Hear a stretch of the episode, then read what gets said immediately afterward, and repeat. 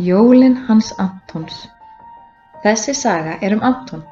Hann er lítill jólaálfur sem vildi halda sín eigin jól án fjölskyldunar af því að hann vildi ekki deila með öðrum. Hann vildi ekki deila hrísgrunagrautnum, ekki jólatrínu og ekki jólagjöfunum. En heldur þú að það hafi verið góð hugmynd hjá Antoni?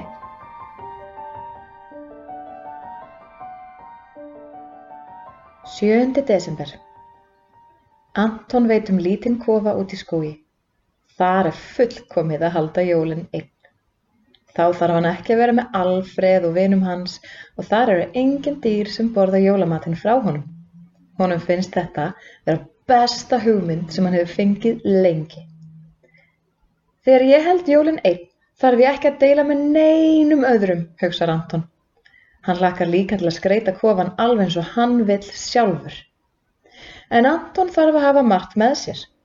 Hann ákveður að búa til minnislista og skrifa niður allt sem hann þarf að hafa í kofanum um jólin. Hann laumast inn í eldhús og horfir á kökubökana hennar mömmu sem er í efstu hyllunni. Þegar mamma fer út á snúru með þvott, klifrar hann upp á borð og tegir sig í baukana. Hann nær sér í piparkökur og mömmukökur og setur í póka. Þegar hann er búin að opna kleinubökin og er að setja kleinur í boka, stendur mamma allt í hennu inn í eldhúsi.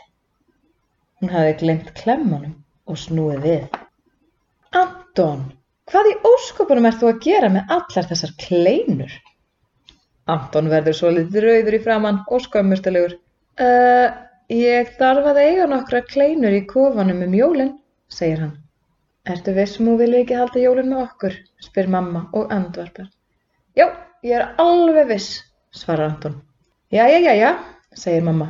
Þá verður þú að fá pókan sem strákarnir voru að leika sig með í gær og setja í hann eitthvað af mat og kökum.